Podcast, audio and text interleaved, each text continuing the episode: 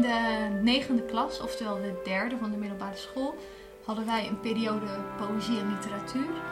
En eh, die hadden we van mijn favoriete Nederlandse docent. Dus ik vond ik echt een hele leuke periode. En die schreef toen als eh, conclusie in mijn schrift, als eh, beoordeling, dat ik een wonderlijk gevoel had voor poëzie en literatuur.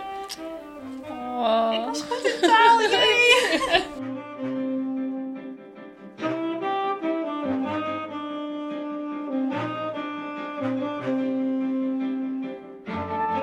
Welkom in ons dyslectische brein.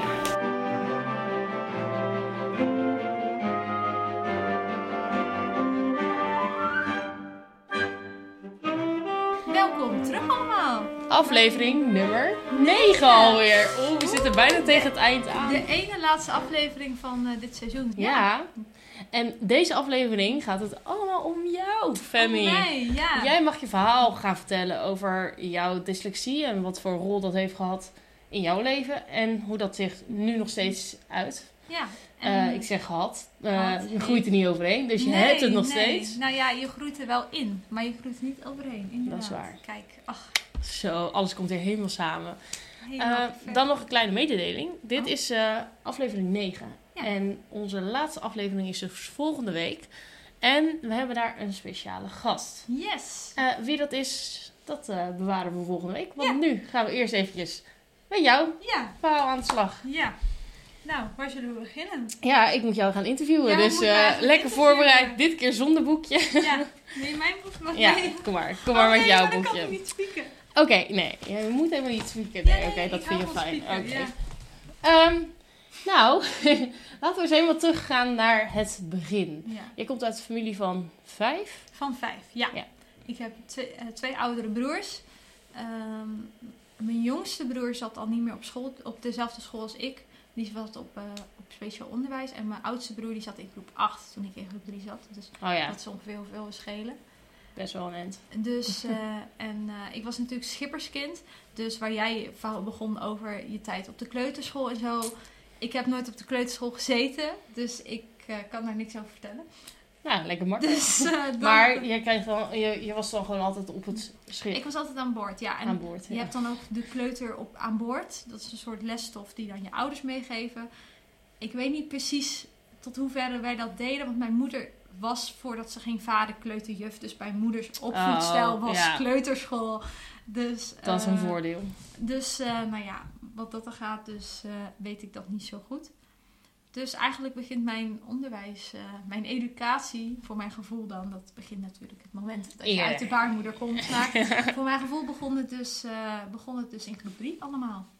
En naar het ja, internaat dus gaan je- en naar school. Had je ook geen kleuter, kleuterschool dan? Nee, nee, eh, de schipperskinderen zijn pas leerplichtig als ze zes zijn. Oh, ik ga ook op een schip wonen. oh jeetje, Dus, oh, dat is eh, wel echt een verschil inderdaad met... Ik dacht alleen de crashfase, zeg maar, nee, kinderopvang. nee, nee, echt tot en met je, tot je zesde, tot je naar groep 3 gaat, ben je altijd aan boord, altijd bij je ouders. Dat is ook wel even... En dan Schakelen. zit je opeens dus op het internaat. Ja. Ja. en dan zit, zit je bijna nooit meer thuis. Ben je ook officieel gezien uitwonend. Vond je dat lastig? Ik heb wel heel veel heimwee gehad, ja. Ja. ja. Ik was echt een jankbalk. Dus mijn, gelukkig zeg maar mijn broers, broers op de leefgroep. Dat Oké. scheelde. Maar, eh, Nog wel familie. maar eh, ja, precies. Niet eh, heel gevoelige broers die denken, ach zusje toch, kom hier. Kom hier. even. maar ik had mijn broers bij me, dat scheelde. Dat was wel. Dus, eh, Mooi. nee. Dus en toen, eh, eh, ging ik naar school. ja, toen had Ja. jij een juf of een meester voor de klas? Ik heb alleen maar juffen gehad op de basisschool. Alleen maar juffen. Alleen maar juffen.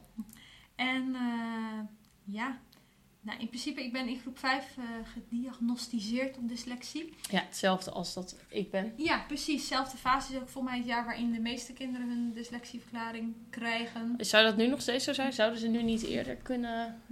Nou, jij moet natuurlijk, je moet het verschil kunnen achterhalen tussen taal, tussen het gevoel Ja. niet hebben voor de taal en een langzame opstarter zijn. Ja. En echt een dyslect. Dus ik denk dat veel eerder niet echt kan. Nee, dat is waar. Je moet er ook wel Dus, ruimte en eh, het gemiddelde ja. van de klas daarmee in meenemen. Ja.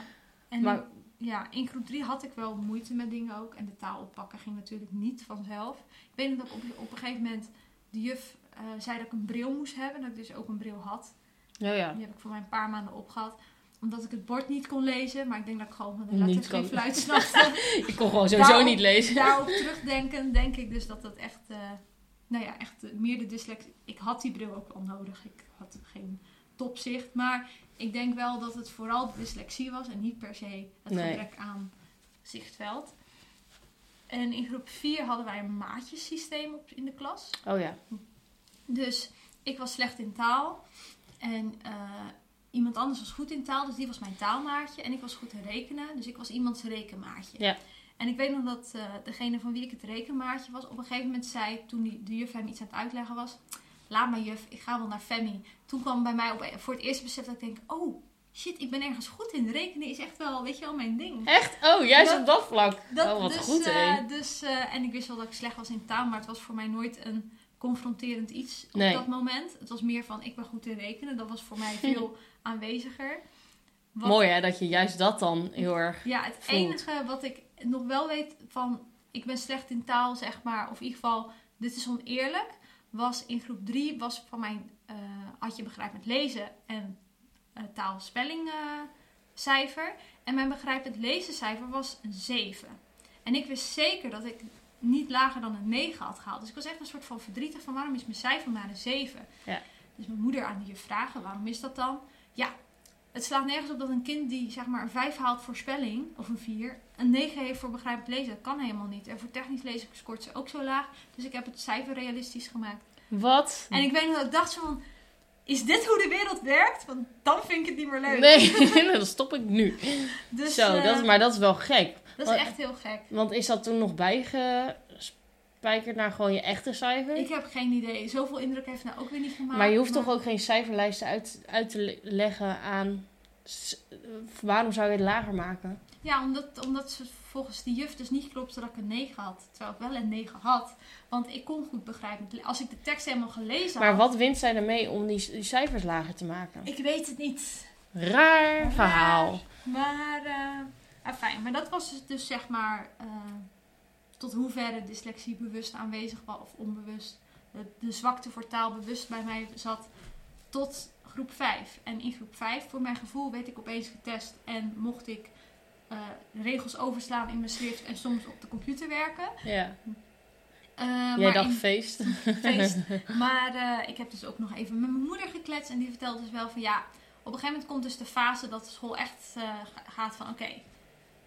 je, je, ze loopt achter op dit gebied. Er is iets aan de hand. Want zo'n slim meisje, dat kan toch niet? Dat zij Ja. zo. Ja. Waarop mijn moeder zei, ja, lullig doen hoor.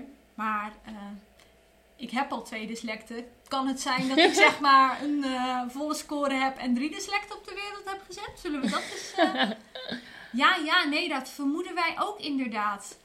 Dus mijn moeder zei, nou, dan weet je hoe je er moet helpen. Nee, dan heeft ze eerst een verklaring nodig. Ja.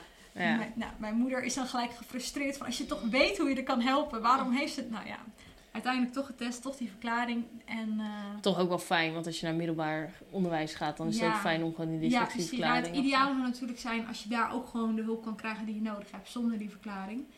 Maar... eh, Ja, anderzijds, je kan daar met die verklaring verschil, kunnen ze het ja. wel meten en kunnen ze het Ja. wel doorgeven natuurlijk. Ja. Dat is eigenlijk het stukje waar we het ook over had- gehad hadden van eh, dat dyslexie er eigenlijk niet zou moeten zijn. Of is, is nep of welke Nou ja, dyslexie zou overbodig moeten zijn, dat het zeg Dat- maar een ja. term is. Maar nou ja, als het er is, dan is het. Want uiteindelijk, die, die verklaring help je wel door die schooltijd heen te komen. Ja, het geeft in ieder geval, wat we ook al eerder zeiden, een vorm van acceptatie. Ja. Dat je weet, oké, het ligt niet aan mij. Ik zit gewoon anders in elkaar. Ja. En dat is oké. Dus, eh, Dus toen had je die verklaring. ja. En voor de rest, ja, op de basisschool, ik weet nog wel een paar anekdotes ik dan met bijles heel trots... Ik heb ooit een spreekwoord over dyslexie gedaan trouwens. Dat heb ik Oh. helemaal niet opgeschreven. Ik heb een spreekwoord gedaan over dyslexie. Daar heb ik een heel hoog cijfer voor gehad ook. Heel de klas was helemaal onder de indruk ook. Ben je gewoon nu weer aan het doen, Ja, ik al eh, negen afleveringen lang. Ik denk, we hadden gewoon een aflevering met spreekwoord moeten herhalen. En eh, toen had ik ook mijn bijlesjuf helemaal geïnterviewd en zo. En toen had ik dus ook een SO gemaakt, een dicté. Ja, Heet dat op de basisschool. Met tien woorden die dan heel moeilijk waren. Echt, weet je, echt zo het Nederlands dicté. oh ja. Paard, dat soort Oh woorden. ja, ja. En dan zo van, ja, als wij gewoon simpele dictées doen, dan voelt dat dus zoals dit voor jullie voelt. Toen waren er nog, was er nog steeds iemand in de klas met een 10. Dat vond ik zo frustrerend. Serieus? Die was Oh, zo, zo, dat slim. taal. Ja, Zo. maar... Nou ja, eh, slim. Dus, dus dat, dat heb ik dan wel. Ik heb wel die spray. Dus ik was me wel bewust van het feit dat ik dyslexie had. En ik had ook wel de, toen al de neiging. Ik wil mensen informeren erover wat het is.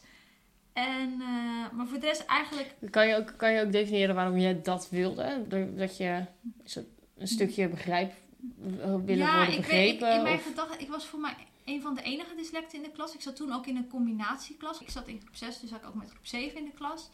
En eh, ik denk dat ook een deel was van dat ik wilde bewijzen, weet je, ik ben niet dom. De ja. lage cijfers komen ergens door. Want Ja. dat heb ik wel altijd gehad. Dat ik altijd een soort van. Komt later ook terug. Ik ben altijd een beetje vrij verlegen geweest. En onzeker. En dan als je dan ook nog laag scoort. Dan heb je een soort van. Had ik wel altijd een soort van. Ik wil wel bewijzen dat ik niet dom ben. Nee, Dat ja. ik gewoon. Dat het niet anders is. Maar dat ik niet dom ben. Dat het in ieder geval aan mijn dyslexie ligt en Ja. niet aan mij. Precies. Ja. Dus. ehm, en eigenlijk wat ik alleen nog op de basisschool verder heb. Bewust heb meegekregen ervan. Is dat ik in groep 8 wel een soort van schaamte ervoor had. Omdat ik toen dus naar groep 3 en groep 4 voor de leesboekjes moest. Oh ja, En dan oh moest ja. ik die zelf halen. Echt, als een leerkracht luistert, laat een kind ze niet zelf halen. Want dat is gewoon echt niet leuk. En dat op een gegeven moment, toen hadden we de CITO gedaan. En eh, ik had echt een hele hoge score. Je kon hupplepup 50 halen. En ik had 49 of 48 of zo. Zo. Ik had echt, ik had alleen maar fouten gemaakt op, op, eh, op de spellingvragen. Voor de rest had ik alles gewoon feilloos gedaan. En toen eh, had mijn groep 8 juf me een eh, TL-kaderadvies gegeven. En toen zakte echt een soort van, hè, maar, maar, maar ik heb een van de hoogste scores van de klas. En kinderen met een veel lagere score krijgen op zijn minst een HAVO-advies. Waarom? Ik wilde heel graag naar de universiteit toen de tijd graag gaan studeren. En ik wilde psychologie gaan studeren. Ik had helemaal verzonnen. Godzijdank is dat Verder het niet niet geworden. nee. Maar, eh, maar eh, ik, wilde graag, eh, ik wilde graag studeren en VWO leek me heel interessant. En eh, ik had wel voor mezelf, ik wil wel naar VMBO, niet naar gymnasium, want nog meer talen. Dat is echt Dat kan niet, nee. Ik vond drie vreemde talen al veel. En die juf had zo van, ja maar meid, dat kan jij toch helemaal niet. En dat een juf dat zo hard in je gezicht zei, dat, je, dat ik echt dacht van, oké, Lekker, dankjewel. zit. Ja. dat raakt. Dat Ja. vond ik wel echt heel heftig. Nou ja, toen ging ik dus naar de middelbare school. En toen moest ik ja, middelbare school kiezen. En eh, ja, had je dan ook nog bepaalde dingen waar je dan op lette? eh, nou of ja, met ik- je ouders? Ja, nou ja, mijn broer zat op de ene school en iedereen van mijn jaar van het internaat ging naar de andere school. Want er waren twee middelbare scholen in het dorp. Maar je komt toch ook buiten het dorp, of niet? Ja, ja, ja, ja. Dat heb ik ook uiteindelijk gedaan. Oh. Want ik wilde en niet naar dezelfde school als mijn broer. En eigenlijk wilde ik en wel en niet naar de school waar heel het internaat op zat. Nee. Want die staat zo zeg maar opgedeeld tussen de twee middelbare scholen. Dus toen dacht ik, nou dan wil ik iets heel anders. Weet je wel, dan wil ik een keer niet een deel van de kliek zijn. Want dat is het wel als schipperskind zijn. Je bent altijd één van, Een van de schippers. van de kudde, zeg maar. Dus ik wil wel een individu zijn. Dus toen eh, ben ik uiteindelijk naar de vrije school gegaan. Dus echt op het creatieve gericht. Ja, En daar zat ik wel echt gelijk fijn is dat dan, dat je dat... eh, helemaal op een plek. Ga even draaien hoor, heel even. En het was voor mij ook de eerste keer dat ik bijvoorbeeld moest uitleggen dat, eh, dat, eh, wat het is om schipperskind te zijn en om internaat te Oh, dat ook was opeens bijzonder. Terwijl Ja. eerst was dat wij de walkinderen uithoorden van... Is, zie je, ziet je moeder echt elke dag, weet je wel, dat. en nu was ik opeens bijzonder, dus dat was wel eh, even wennen, maar ook wel, eh, nou ja. Het is wel leuk. Je Nieuwe krijgt wel andere, ja ja. precies, heel veel andere blikken weer. En eh, eigenlijk gingen alle vakken wel eh, redelijk prima, op de vreemde talen na natuurlijk. Ja, Maar het vak wat ik het moeilijkst vond was gewoon Frans. ja. Ook omdat het gewoon qua structuur helemaal niet op de Nederlandse taal lijkt. En mijn Frans docent en ik, wij lagen elkaar gewoon niet. Het begon al bij de allereerste les. Wat? En echt tot het best teruggaan toe. Altijd alles moeten overschrijven als je het antwoord niet weet. En zelfs toen ik al het strafwerk had gemaakt voordat ik het antwoord fout had gegeven. Mhm. Want ik moest het strafwerk maken, want daar leerde ik het van, weet je wel. Not. Zelfs toen was ze not amused. eh, dat ze me de klasse rond wilde sturen als ik een 5,5 haalde voor een MO, weet je wel. Zodat je het kan. Zodat je kon laten zien hoe goed je het had gedaan, maar eigenlijk jezelf voor lul zetten, weet je wel. Dat soort dingen. Maar dat is ook wel echt gewoon heel gemeen. Dat is echt wel gemeenig. Ja, en zij is op een gegeven moment dus ook van school gestuurd, omdat geen leerling presteerde onder haar, eh, Nee, dat snap ik. haar zeggenschap, zeg maar. Toen hadden we een andere Frans docent en dat was echt een verademing. En zij deed het ook beeldend erbij. Dus ze had op een gegeven moment eh, bepaalde Fransen ja, dit is zo'n regel die draagt ro uh, rollerskates. Dus dat, dan had hij veel uitzonderingen bijvoorbeeld, Oh ja. weet je wel. Dan Ja. skaten die vaak weg. Dat soort dingen had ze allemaal. Oh, en toen haalde ik opeens achter voor proefwerk, weet je wel. Dus dat was voor mij wel een fijne bevestiging. Net als met die rekenles in groep 4.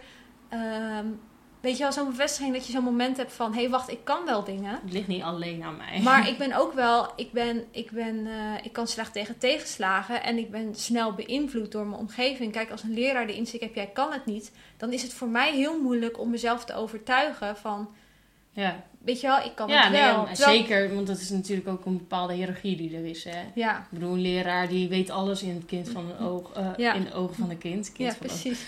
Dus als de leraar al zegt dat je niet kan, wie ben jij dan als kind om het te geloven? En, eh, en toen op een gegeven moment, eind laatste trimester van de tweede, of weet, ja, trimester is dat. Toen eh, had ik dus te horen gekregen van, nou leuk dat je HAVO, VWO... Bij ons zaten alle niveaus door elkaar. Dus Ja. de klas was VMBO, HAVO, VWO. En een deel zou naar de twee, naar de, dus in de derde doorstromen naar, eh, naar, naar eh, VMBO en een ander deel naar HAVO, VWO. Ja. En, eh, maar je krijgt wel leuk dat je het wil, maar eh, met zo'n cijfer Frans, je moet al je vreemde talen behouden op HAVO VWO, omdat het niet zo'n grote school was. Dus er waren niet heel veel vakkenpakketten mogelijk. Nee. Nou, dat ging hem natuurlijk niet worden. Dus toen hoorde ik van ja, je gaat naar het VMBO en dan ga je, moet je Frans laten vallen. Dus ik mocht niet kiezen welk vak ik liet vallen. Ik moest Frans laten vallen. Nou, dacht ik. Terwijl jij net Frans leuk aan het proeven Ik begon net Frans leuk te vinden. Toen dacht ik van nou, dan kun je toch ook al met pleuris krijgen. Mm. En je ziet ook mijn cijfers, zeg maar, in dat laatste trimester van de... Ik heb overal telkens 8 en 9. En in dat laatste trimester heb ik overal een 5,5. Strak. Weet je wel? Nice. Weg met de moeite. ja. Dus dat, dat, dat zie ik dan wel terug. Dat ik, ja, ik ben echt iemand... Ik, als ik gemotiveerd ben, ben ik heel sterk. Maar ik moet wel die, ik moet die inspiratie voor die motivatie wel Ja, ik vinden. zeggen, dus als, als de waardering, of de waardering niet eens, maar als, als er negatieve feedback of ne Ja, negativiteit bij komt kijken, dan kan je beter, eh, dan heb je niks meer aan jou, eigenlijk. En toen kwam de winkelstage. Winkelstage. Ja, wij hadden twee verplichte stages. Een winkelstage en een maatschappelijke stage. Oh ja. De winkelstage heb ik gelopen bij de winkel waar ik vandaag de dag nog steeds Kijk. werk. Dus daar kwam ik als 15-jarige al naar binnen. Goede keuze geweest eh, en toen de tijd. maatschappelijke stage heb ik toen de tijd gelopen bij, eh, een, eh, bij de, de eh orthopedagoge, heet dat dan, die eh, mijn dyslexieverklaring heeft getest. Ja. En zij is ook kinderpsycholoog en zij is van alles en nog wat. Ze heeft een hele grote praktijk in, in de regio waar ik woon. En dus toen heb ik heel erg de andere kant van het vak kunnen zien. Dus dat was ook heel interessant. Maar voor mijn dyslexieontwikkeling is, is, is vooral die winkelstage interessant. Hoe kwam je daar terecht? Eh, mijn beste vriendin, haar moeder werkte en werkt nog steeds daar. En ik had toen net de zomer daarvoor ontdekt dat lezen leuk kan Ik zijn. wou zeggen, die moet je wel eerst ontdekt hebben Ja. voordat je bij een kinderboekhandel Dus ik wilde bij een boekhandelstage lopen. Ja. Want dat leek me helemaal geweldig. Ik was helemaal boekenjunk geworden. Ik deed elke dag uit school zat ik in de bibliotheek Ja. tot de laatste trein dat ik naar huis kon, zeg maar, voor het eten. En eh, ik liep daar stage en ik zat, nou, ik zat echt wel op mijn plek. Het is echt, dat is echt zo'n leuke tijd geweest. Het was maar twee weken, maar ik heb het echt... Wisten ze daar dat je dyslectisch was? Ja, dan wisten ze, ja. En hoe gingen ze daar, daar mee om? Eh, ze vonden niet dat het, nee, dat had geen speciale behandeling. Zeker in die tijd van die winkelstage niet, want dan heb je niet echt per se verantwoordelijkheden. Nee. Dat is later pas een ding geworden, daar kom ik zo op. Oh. En, eh, maar het leuke, weet ik nog, waar ik echt heel trots op was, is dat mijn Nederlands docent van de brugklas, die kwam op stagebezoek, want zij kon niet geloven dat ik vrijwillig, eh, vrijwillig eh, in een boekhandel stage liep. En zij heeft dus ook echt in de lerarenkamer toen de stagebezoeken werden uitgedeeld, ik moet en zo naar Femi gaan. Want de rest doet maakt me niet uit. Dan moet ik heel Nederland door. Ik, moet Femi bezoeken daar. Dus eh, zij is van, nou, en zij komt nog steeds regelmatig in de winkel. En elke keer is ook, Femi, ik vind het zo fijn dat je hier zo. Oh, oh, oh. Oh, dat is Dus zo dat is echt heel leuk. Dat was echt jou- jouw supporter. ja, precies. En voor de rest, ja, wat, je op de, wat ik gewoon in ook als ik mijn rapporten teruglees, heel veel meekrijg. Dat inderdaad eh, het schrijven van verhalen bijvoorbeeld. Ja, de inhoud is heel interessant, Femi, maar de grammatica is zo slecht. Daar komen we niet doorheen. Nou, alle klassieke dyslexie, op- en aanmerkingen. Moment van ultieme trots. En achteraf gezien dat ik denk, ja, zie je wel. Ik heb altijd al Nederlands heel... De ta- taal heb ik altijd al heel interessant, Interessant, gevonden. En heel boeiend gevonden. Want dat zie ik echt wel terug in hoe de docenten reageren op hoe ik met de taal omga. En ik vind... Dus zoals die Nederlandse docent zei, van je hebt echt een gevoel voor literatuur en poëzie. Ja. En de Duitse docent heeft ook een paar keer van die opmerkingen ook in rapporten geschreven. Dat ik denk, ja, weet je wel, die, die liefde voor taal, die was er altijd al wel. Maar het werd zo naar verpakt voor mij als dyslect. Ja, door je dat, het- dyslexie. dat of- ik ervan uitging dat ik dat Ja. niet interessant kon vinden. Dus eh richt je Nee, maar, maar op de cijfers, want daar ligt jouw talent. En toen eh, heb je die stage bij de kinderboekhandel Ja, afgerond. Of nou, dat was ja een dat hele was korte. maar twee weken. ja, Ja, dat een hele korte. middelbare schoolstages. ja. Top. En eh, toen ben je geslaagd, middelbare school? Ja, dat, na vier jaar was de middelbare school klaar. Dat was voor mij even slikken toen ik in de vierde zat. Zeg maar, ik, in de tweede was ik er nog van overtuigd, ik ga VWO doen. Ja, En toen het jaar daarna zat ik op in de derde. En toen was het opeens, wacht, volgend jaar ben ik hier klaar. En Ja. in de vierde moest ik dus opeens weten wat ik wilde gaan doen Oh ja, dat is wel een verschil inderdaad. Want anders heb je het idee dat je nog drie jaar hebt. Of Ja, dus ik, had nog, ik heb nog alle tijd om te kijken en zo. En toen opeens was het al gelijk. Het is van, ik heb alle tijd tot nu moet je kiezen. Oh ja, shit. En eh, nu komt er dus een eh, keuze die jullie heel bekend gaat klinken. Omdat jullie vorige week exact dezelfde hoorden. hoorden.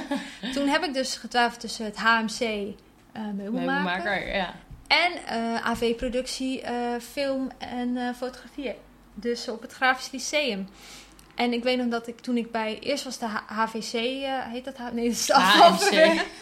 HVC is de afvaldienst in Dordrecht. HMC. Eerst was de HMC open dag en dat was echt... Ik vond alles geweldig daar. En het idee dat ik niet hoefde na te denken en gewoon met mijn handen aan de slag Ja, kon. Dat vond ik ja. echt heel troostend. En toen, eh, een week of wat later, was de open dag van het Grafisch Lyceum. En daar ben ik toen met mijn broer geweest. En mijn broer die is dus, eh, heeft dus aan de Universiteit van Leiden geschiedenis gedaan. En is inmiddels natuurscheikunde docent. Hij heeft die studie afgerond en is daarna nog eh, zijn HBO gaan doen voor de eh, lerarenbevoegdheid. En dus scheikundegraad en natuurkundegraad. Ja, En, Oké. eh, ja, dus eh, omgekeerd Flink, stapelen ja. is dat. En, maar dat is ook echt, mijn broer absorbeert informatie. Dat is echt wonderlijk om te zien. Maar in ieder geval, ehm, en dus toen was ik met hem naar die open dag. En hij is ook echt een verteller. Vroeger in de auto, als we dan uren onderweg waren naar boord, dan ging hij ook ons verhalen vertellen. En dan vloog de tijd voorbij. Dus hij Ja. is ook echt een storyteller. En eh, ik heb ook wel echt die passie voor verhalen. Anders werk je niet in een boekhandel. En, eh, en toen, toen ik daar met mijn broer liep, het was echt zo van, ja, dit wil ik. Weet je wel, met je handen werken. liep. Ja, ja, ja. met je handen werken is leuk, maar verhalen vertellen, dat is mijn ding, zeg maar. En mijn broer was ook helemaal van, ah, dit is echt, Femi, dit moet je doen, dit moet je doen. Je wel. helemaal enthousiast. En Dus dat hij was wel heel broer. vaak, dus ja, hij had heel vaak ook dat hij mijn lesstof wel eens die pikte van, eh, van hoe, hoe, weet je wel, hoe doen ze dat dan volgens school en zo. Dus, eh, dus toen was het, toen ik op het Grafisch Lyceum had rondgelopen, dacht ik gelijk, ja, dit moet ik doen. En ik kwam natuurlijk van een hele vrije, het was letterlijk de vrije school, Ja. maar van een hele vrije creatieve school. Dus wat jij had met al deze vreemde mensen, hier pas ik niet tussen. Ik had juist zo van, ah, thuiskomen, weet je. Ja. Helemaal niet zo extravagant ben in mijn uitstraling, juist niet. Maar eh, het was voor mij wel een heel vertrouwd gevoel om allemaal mensen te zien die echt 100% zichzelf waren. Ja, Want ja, dat hoop ik wel te zijn. ja. En het is mooi dat je in de middelbare school dat dat, dat als thuiskomen voelde. Omdat je het al Ja, kende en herkende. dus en nou op het Grafisch Lyceum zelf ben ik niet heel veel tegengekomen qua dyslexie, omdat er ook gewoon Nee. heel weinig was schriftelijk gewoon was. heel veel praktijk. Dus dat was echt een warm bad. Ik heb wel nog één mooi, zeg maar, verhaal.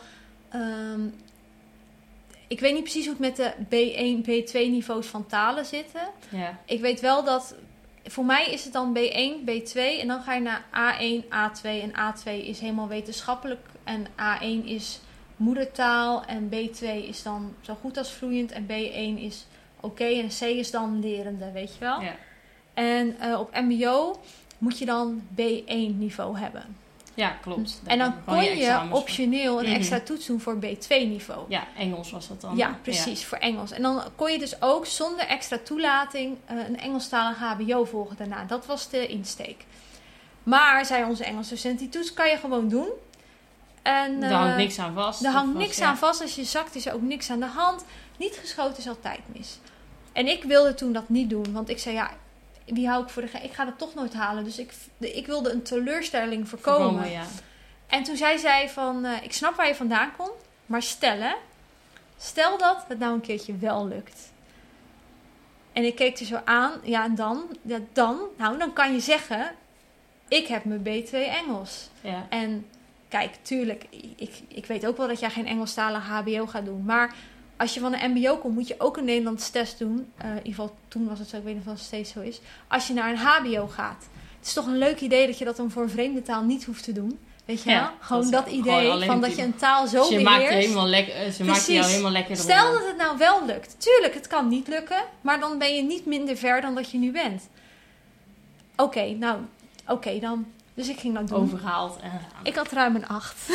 Ruime af. ja, ik had echt een belachelijk hoog cijfer. En Had je er iets voor geleerd? Of? nee, ik had niks qua voorbereiding, want ik wist niet eens waar ik moest beginnen met het voorbereiden. Nee. Dus ik had niks qua voorbereiding en ik had echt een van de hogere cijfers. En ik was echt zo van. Maar er was heel weinig schriftelijk op die toets. Het ging vooral om het communiceren. Dat weet ik nu. Ja, het was wel schriftelijk, Ik wou zeggen, het was toch juist... maar niet, het, was wel, het was niet heel erg op de grammatica gericht. nee, het ging nee, vooral niet om. schrijven. Kan nee. jij communiceren in de taal? Ja, Dat wilden ze ja. weten. Kan jij verhaal volgen? Kan jij verhaal overbrengen? Dus het, je hoefde niet al die gekke...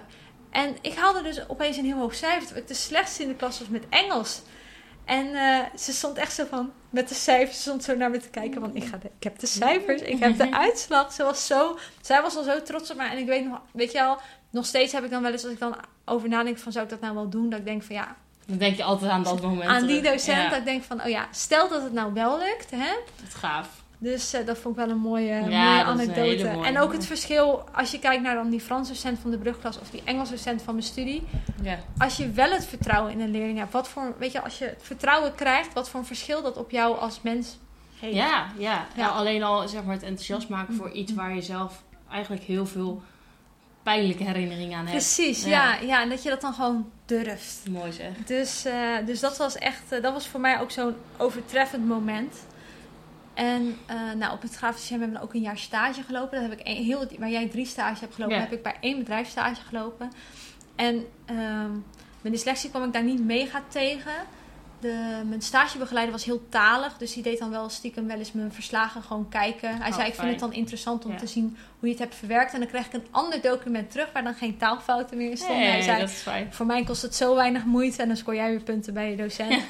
dus dat is het enige wat ik daaraan merkte. En voor de rest heb ik me daar gewoon als persoon wel heel erg ontwikkeld. Ja, gewoon dat ik Dat veel. is zo eh, waardevol. Is ja. dat? Ja. dat ik gewoon eh, mensen aandurfde te spreken en zo. Ik moest opeens mensen gaan interviewen ook. En eh, nou, en gewoon de ego-boost van constant met een camera rondlopen. Ja. En mensen gewoon eh, bij hun snuffert pakken. Kom, kom. Ja. En eh, als je zelf iets geëdit hebt, dat er dan een klant is die daarvoor betaalt. Omdat dan, weet je wel, ja, dat vet. is gewoon Ja. de eerste paar keer als uh, stondneus dat je dat doet, is gewoon kicken. Weet je wel? Ik produceer iets en mensen zijn er heel blij mee en betalen ervoor. Ja, dus dat, je krijgt er ook nog iets eh, voor terug buiten alleen waardering of eh, een dikke duim van goed gedaan. Ja, dus eh, nou, maar dat zou jij natuurlijk eh, zonder twijfel herkennen, die fase. Ja. Zeker. En eh, toen was ik klaar met het eh grafisch. Ja, waren we klaar met het Ja. grafisch museum. Maar ehm, Ja, toen was het dus tijd om het om vervolg te kiezen. Ja. Of, of heb je een vervolg? Ja, nou, ik, heb, vervolg ik, heb, ik was begonnen met eh, de, het HKU, Ja. de toelating. En ik besefte tijdens die toelating van nee, hier ga ik alles behalve gelukkig worden. Dus dat gaan we gewoon niet doen. Nee, Leuk dat ik mezelf verder erin wil ontwikkelen. Maar ik kan dan beter de lange kiezen. weg doen Ja, door het in de praktijk te leren. Want daar word ik gelukkiger van. En wil ik per se in de kunstsector aan de bak? Of wil ik gewoon...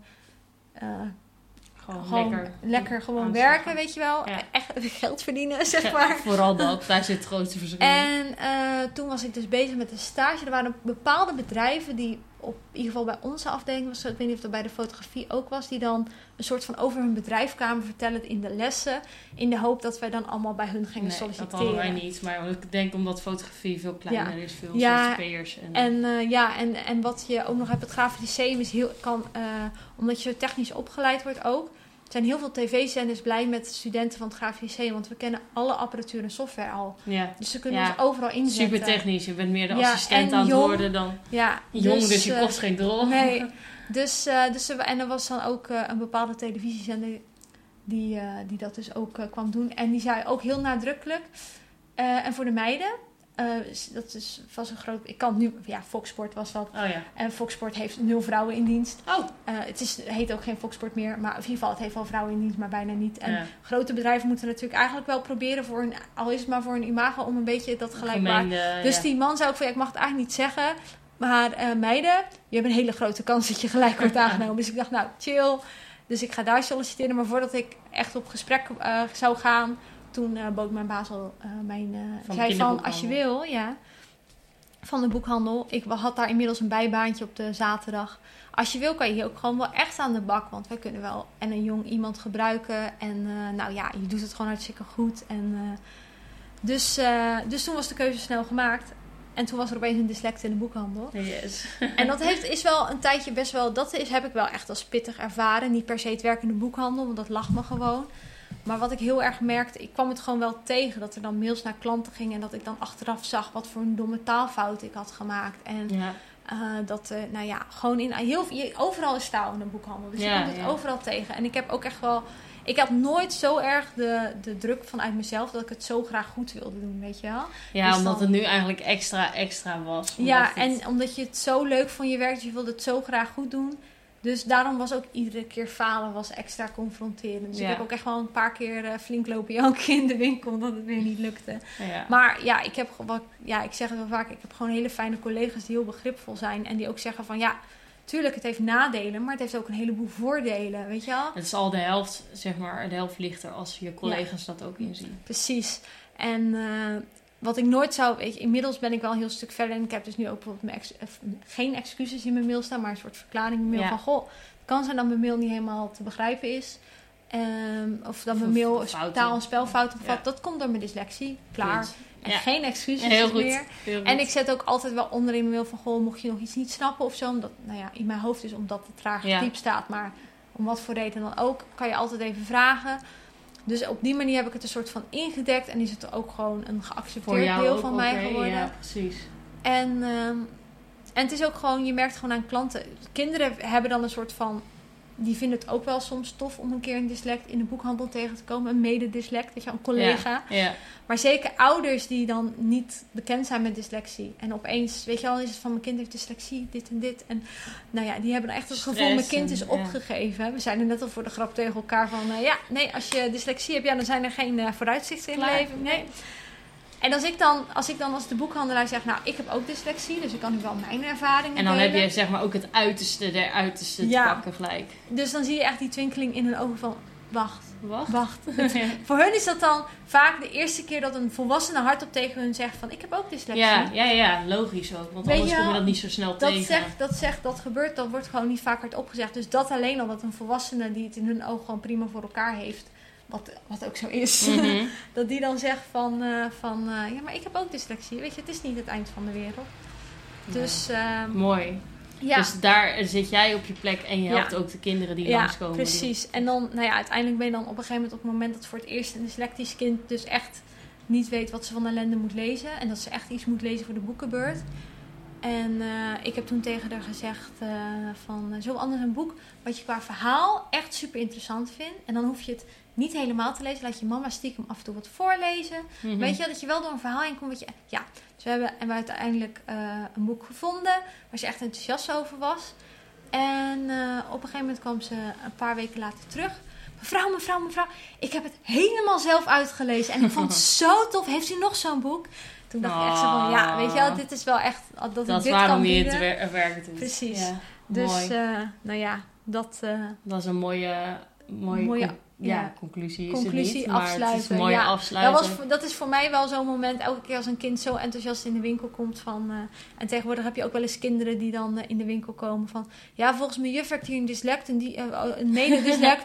en die zou me maar eens een keer een boekje moeten aansmeren. Dat was dan, weet je wel, dat, er- dat er leerkrachten zijn die dus al weten van... Oh, in de kinderboekhandel werkt ook een dyslect. Dus als je nou daar een keer gaat die weet vragen, het beste. dan ja. zie je het een keer van een andere kant, weet je wel. Ja, dat is eh, heel slim. Dus dat zijn wel momenten dat je denkt, oh ja, weet je wel... gaaf. Het, het- er zijn momenten geweest dat je denkt, ah, ik wou dat, ik wou dat het anders was. Maar eh, ik, nu ben ik er wel blij mee. Dat ik, voor mij kan ik meerwaarde bieden inmiddels. Ja, ja, mooi. Dus eh, ja, Gaaf, was hem. Thanks voor het delen alles. Ja. En, Nou ja, en dat was onze aflevering voor deze week. ja, en volgende week gaan we onze laatste aflevering in. Ja, maar wat voor een aflevering. We gaan Ja, wel, heel heel, vet. heel leuk ertussenuit. Ja. Ja. ja, want er komt een gast, zoals we al bij de eerste... Aan het begin van eh, deze Aan aflevering. het begin van deze aflevering zeiden. We krijgen een gast. We krijgen een gast. En een hele leuke Uit gast. het veld, uit het werkveld, bij, eh, die veel met dyslecten samenwerkt. Dus, eh, En zelf ook dyslectisch. is. en voor de ouders die luisteren, of een ki- kinderen, eh, ouders met kinderen die dys- dyslexie hebben, is het ook heel interessant. Want hij helpt die dus ook. Ja, hij is eh, eh, dyslexiecoach en, nou kijken of ik het goed kan uitspreken, NLP NLP Master Practitioner. zoiets. Nou, volgende week spreken we het goed uit, beloofd. Tot Hey, volgende week. volg ons op ons alle socials Oh ja. om op de hoogte te blijven en we zien